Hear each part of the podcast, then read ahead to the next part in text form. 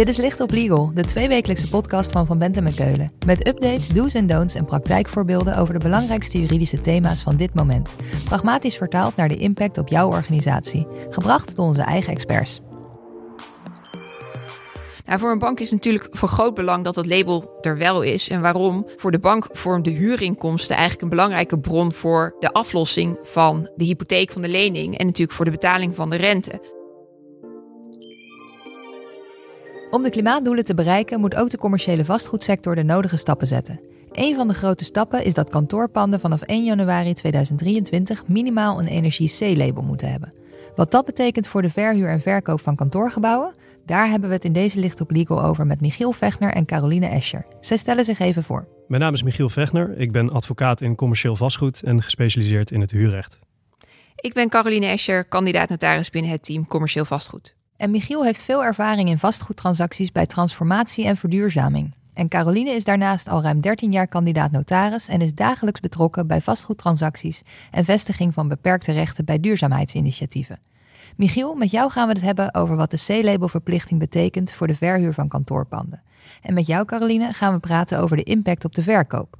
Maar om af te trappen, een vraag voor jullie beiden. Wat is er aan de hand? In het klimaatakkoord is afgesproken dat de gebouwde omgeving in 2050 CO2-neutraal moet zijn. Nou, stapgewijs is Nederland hiermee bezig. En een van de stappen is al begonnen in 2008, toen bij de verkoop en verhuur een energieprestatiecertificaat, eigenlijk de voorloper van het energielabel, verplicht werd. Een van de andere tussenstappen waar Nederland met name nu mee bezig is, is om de energie C-label verplichting uh, voor kantoorgebouwen vanaf 1 januari 2023 verplicht te stellen. En kort gezegd gaat het, er dus, uh, gaat het er dus om dat kantoorgebouwen een bepaald niveau van energiezuinigheid moeten behalen. Nou, die verplichting die is vastgelegd in het bouwbesluit 2012. En daarin staat dat het dus vanaf 1 januari 2023 verboden is om een kantoorgebouw in gebruik te nemen of te gebruiken zonder een geldig energielabel. Nou, en dit is dus een C-label. En voor de liefhebber komt dit neer op een maximum primair fossiel energieverbruik van 225 kilowattuur per jaar. Naar schatting van de overheid had op 1 juli 2022 48% een C-label of beter, 11% een D-label of slechter en 41% had überhaupt geen label. Dus meer dan de helft van de kantoorgebouwen voldoet dus nog niet. Meer dan de helft van de kantoorpanden voldoet dus nog niet. Caroline, Eigenaren van kantoorpanden moeten dus razendsnel aan de bak. Maar als ik dit allemaal zo hoor en denk aan de personeels- en grondstoftekorten, gaan ze het ook redden? Nou, de eerste stap is dat ze een energielabel moeten aanvragen om te weten welk label ze hebben. Dus daar zien we een enorme drukte op de markt op dit moment om uh, een partij langs te krijgen om het energielabel aan te vragen. En als dat label dan bekend is, kan worden bepaald welke voorzieningen getroffen moeten worden om aan het C-label vereist te voldoen. En dan zullen nog de nodige maatregelen worden moeten worden genomen. Nou, dat is best een uitdaging om inderdaad dat op tijd te gaan halen. En wordt het dan tegenwoordig allemaal gecontroleerd? Want ik herinner me dat zo'n energielabel aanvragen gewoon een paar klikken via de overheidswebsite was, toch? Dat was het vroeger wel. Dat kon op basis van informatie. En toen was er ook voor ieder gebouw een soort voorlopig label. Tegenwoordig is dat niet meer zo. Dus er moet echt een inspecteur langskomen die ter plekke gaat beoordelen welke voorzieningen in het gebouw aanwezig zijn en, uh, ja, en welke voorwaarden dus voldaan wordt. Er wordt dus haast gemaakt om die energielabels aan te vragen en dan moeten er misschien nog de nodige maatregelen genomen worden. Michiel, ik denk toch dat er een situatie gaat komen waarin panden geen C-label hebben. Dat moet vragen opleveren in de praktijk. Ja, we zien in de praktijk dat klanten met name twee vragen hebben, hè, onderverdeeld in, in de uh, verkoop en in, uh, in de huur. En voor wat betreft de huur uh, stelt met name iedereen zich de vraag: wat zijn de implicaties voor mijn huurovereenkomst? Um, wie draait op voor de kosten van deze verduurzaming? En ook met name, moet ik per 1 januari 2023 dan mijn pand uit? En voor wat betreft de koop, wat zijn dan de gevolgen van bij een koop of verkoop van deze kantoorpanden? Hè? Kan ik wel een kantoorpand verkopen dat geen C-label heeft? Twee dingen dus. Vragen rondom de huur en vragen rondom de verkoop van panden. Voordat we daar verder op ingaan, die C-labelverplichting, is dat eigenlijk een verplichting voor alle kantoorpanden in Nederland? Nee, zeker, zeker niet. Um, er zijn een aantal uitzonderingen. Uh, denk aan monumenten, maar ook gebouwen die maximaal twee jaar worden gebruikt. En dat betekent eigenlijk um, gebouwen die dus binnen twee jaar vanaf 1 januari 2023 worden gesloopt, getransformeerd of worden onteigend. Uh, maar ook kantoorgebouwen met een gebruiksoppervlakte van minder dan 50% aan kantoorfuncties. Hè. Dus denk hierbij aan een groot magazijn die slechts een heel klein kantoortje hebben. Um, of kantoorgebouwen die überhaupt minder dan 100 vierkante meter aan gebruiksoppervlakte hebben. Die zijn uitgezonderd. Ehm, ook is er een uitzondering voor het energie-C-label op het moment dat die verduurzamingsmaatregelen die nodig zijn om aan een C-label te kunnen voldoen, dat die een terugverdientijd hebben van meer dan 10 jaar. Nou, dan moet er slechts die maatregelen worden genomen die een terugverdientijd hebben tot 10 jaar. Dus dan zou je ook een lager energielabel kunnen hebben. Dat is duidelijk. Nogmaals, we gaan het straks hebben met Caroline over de verkoop, maar we beginnen bij de huur. Waar moeten verhuurders nou op letten, Michiel? Ja, de basis is natuurlijk altijd bij bestaande huurovereenkomsten. Kijk in de overeenkomst. Zijn er al afspraken gemaakt over de doorbelasting van een energiebesparende maatregel? Dan geldt die. Ehm, de wet heeft hier geen specifieke bepalingen voor. De, huurder die is uh, verantwoordelijk voor kleine herstellingen. Denk aan het dagelijks onderhoud, een lampje vervangen, dat soort dingen. Um, en sommige maatregelen die kunnen dus vallen onder deze kleine herstellingen. En dan kunnen die via de servicekosten worden doorberekend aan de huurder. Nou, vaak zal er gecontracteerd zijn op basis van het bekende ROZ-model 2015. En daarin staat in de bijbehorende algemene bepalingen eh, een verdeling voor, de, uh, van, voor onderhoud, herstel en vernieuwing. Nou, voor, voor wat betreft de verhuurder moet je dan in zijn algemeenheid denken aan de constructievere delen eh, van het pand. Zoals daken en een buitenkozijn, dat soort dingen. En voor de huurder komen dan de overige, overige kosten die niet voor rekening van de verhuurder komen. Nou, en bij nieuwe huurovereenkomsten doen partijen er goed aan om hier echt heel duidelijk afspraken over te maken. De ROZ heeft hier wel een opzet voor modelbepalingen voor. Maar wij zien eigenlijk altijd in de praktijk dat dit toch op de specifiek op de situatie moet worden afgestemd. Oké, je kan het dus als verhuurder doorberekenen aan je huurder. Maar als ik dit zo hoor, geldt dat alleen maar voor kleine kosten. En als het grote maatregelen zijn, dan draait de verhuurder er zelf voor op. Ja, dan is dus eigenlijk meteen de vraag: wat zijn dan die kleine herstellingen? Hè? En bij woonruimte heb je het zogenoemde besluit kleine herstellingen. En daarin staat eigenlijk wat, wat onder een kleine herstelling valt en voor wiens rekening het komt. Nou, dat is niet van toepassing bij kantoorruimte. En uh, welke werkzaamheden als kleine herstellingen worden aangemerkt, dat kan eigenlijk door partijen zelf worden ingevuld. En het ROZ-model, dat bevat hiervoor een regeling en algemene bepalingen waarin dus die verdeling is afgesproken. En kort gezegd komt het erop neer dat al het kleine onderhoud, herstel en vernieuwing voor rekening van de huurder komt. Nou, de discussie hier is al eh, snel of het zover moet gaan voor een huurder dat van hem mag worden verwacht dat hij een gloeilampje vervangt door een duurzame ledlamp. Het belangrijkste dat hieruit blijkt is dat je er duidelijke afspraken over moet maken. Het moet helder zijn wat voor rekening van de huurder of verhuurder komt. Caroline, jij bent notaris. Wat moet ik nou weten als ik een pand ga verkopen? Of als ik in de markt ben om te gaan kopen?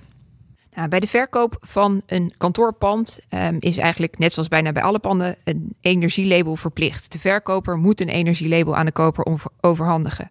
Maar anders dan bij um, ja, die verplichting vanaf 1 januari 2023, hoeft dat geen C-labelverplichting te zijn.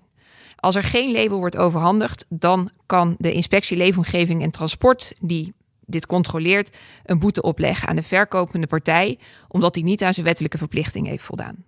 Dat is bij um, nou ja, de gewone verkoop het vereiste. Maar bij kantoorpanden komt er natuurlijk een nieuwe vraag. Um, wat moet de verkoper zich gaan vragen? Is er een label? En zo ja, met welke aanduiding? En als het niet aan het C-labelverplichting voldoet, gaat de verkoper zelf nou nog werkzaamheden uitvoeren omdat om te zorgen dat als hij gaat verkopen, dat het wel aan het C-label vereiste voldoet? Of laat hij dat bij een koper? Of gaan ze daar nog afspraken maken in de koopovereenkomst wie bepaalde werkzaamheden of welke werkzaamheden er voor een levering moeten worden uitgevoerd? Kijk, een belangrijk punt is natuurlijk, de C-label heeft best wel een impact qua, qua mogelijkheden in, in gebruik. En daar komen we denk ik zo ook nog even op. Um, de vraag is, wil een koper überhaupt een pand kopen zonder label, zonder te weten of dus uh, aan die verplichting wordt voldaan. En als je wel weet wat het label is, wil je dan kopen als het een te laag label heeft. Waarom? Omdat er gewoon risico's zijn voor, voor sancties die als koper zijn gebruik in de toekomst en de mogelijkheid mogelijk om te gaan verhuren beperkt. Dus bij een verkoper is het heel erg ja, van belang om in kaart te brengen: is er een label? En zo ja, welk label is er? Ja, maar of iemand wil gaan kopen hangt ook gewoon heel erg van de prijs af, toch? Natuurlijk, maar het hangt ook heel erg af bijvoorbeeld van de locatie. Um, weten we wat er binnen een bepaalde gemeente wordt gedaan op het gebied van handhaving van deze verplichting of niet? Um, dus zeker houdt het af, hangt het af van prijs, maar er zit gewoon een groot risico aan. En de vraag is, is een koper bereid dat risico te nemen? Nou, dat ja, verandert en beïnvloedt je onderhandelpositie. En het is voor de verkoper de vraag, wil je dat risico nemen? Wil je dat inprijzen? Of wil je niet liever de regie in eigen hand houden? Dus zelf laten vaststellen wat het is, welke maatregelen kan ik nemen en daaraan voldoen, zodat op het moment dat je de verkoop ingaat, dat dit geen discussie vormt. En nu worden natuurlijk veel commerciële panden niet out of pocket betaald. Daar komt vaak een bank bij kijken om het mede te financieren. Wat vinden zij hiervan? Nou, voor een bank is natuurlijk van groot belang dat het label er wel is. En waarom? Voor de bank vormt de huurinkomsten eigenlijk een belangrijke bron voor de aflossing van de, uh, nou ja, de hypotheek van de lening en natuurlijk voor de betaling van de rente. Dus als er een mogelijkheid is, doordat het label ontbreekt, dat er geen huurinkomsten zijn, dan zegt de bank, nou, mij niet gezien. Ik wil liever de zekerheid dat dat label wel aanwezig is. Dus een bank zal zeker als voorwaarde stellen voor een nieuwe financiering, verwacht ik, dat er voor een kantoorgebouw een C-label beschikbaar is. Ja, precies. Banken zijn natuurlijk geen instellingen die erom bekend staan dat ze graag risico nemen op dit soort projecten. Er moet dus genoeg gebeuren rondom die C-labelverplichting. Maar dit soort dingen staan of vallen natuurlijk altijd bij de handhaving. Michiel, stel ik ben al in het bezit van een pand en ik hou me niet aan de C-labelverplichting. Wat gebeurt er dan?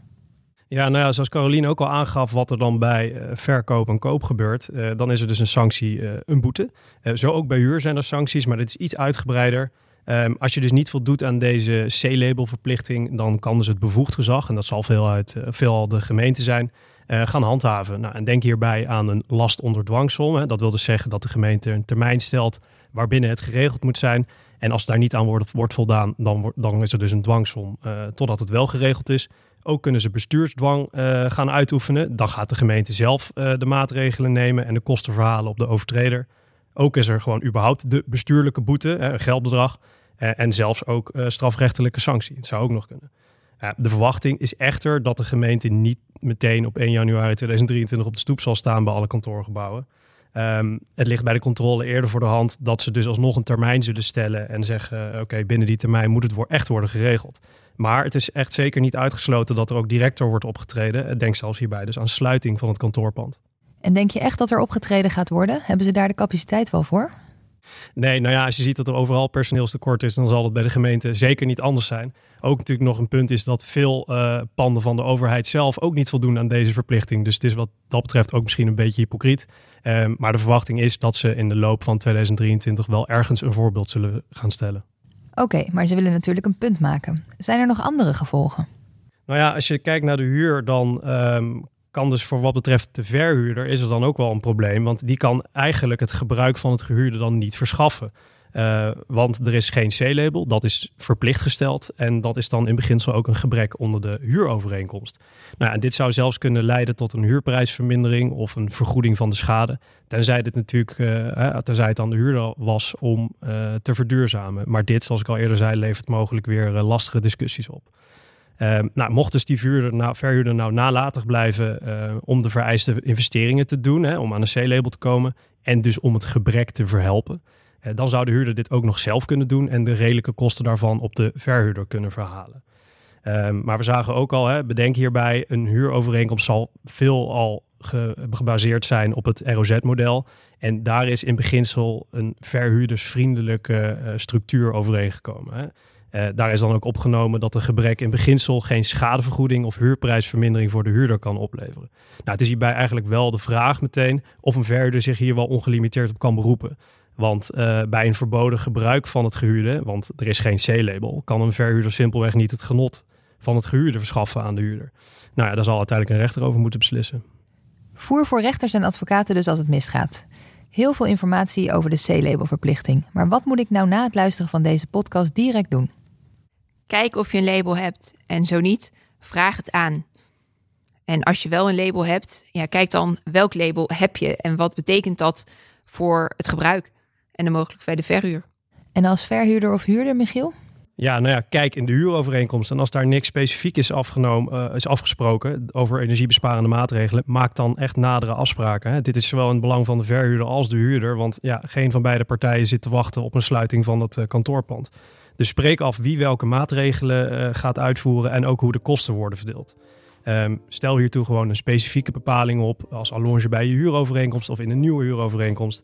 En bedenk hierbij ook dat er in de toekomst uh, ook nog mogelijk strengere eisen gaan gelden voor, uh, voor kantoorpanden. De verwachting is een A-labelverplichting vanaf januari 2030. Michiel en Caroline, dank jullie wel. Als we meer willen weten, waar kunnen we dan terecht?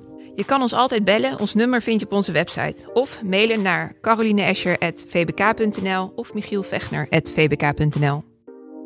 Dit was Licht op Legal, een podcast van Van Bentem en Keulen. Te beluisteren via Spotify, Apple Podcasts of je eigen favoriete podcast-app. Wil je meer weten? Heb je suggesties voor een onderwerp? Of wil je dat onze experts hun licht laten schijnen op jouw juridisch vraagstuk? Laat het ons weten via vbk.nl slash lichtoplegal.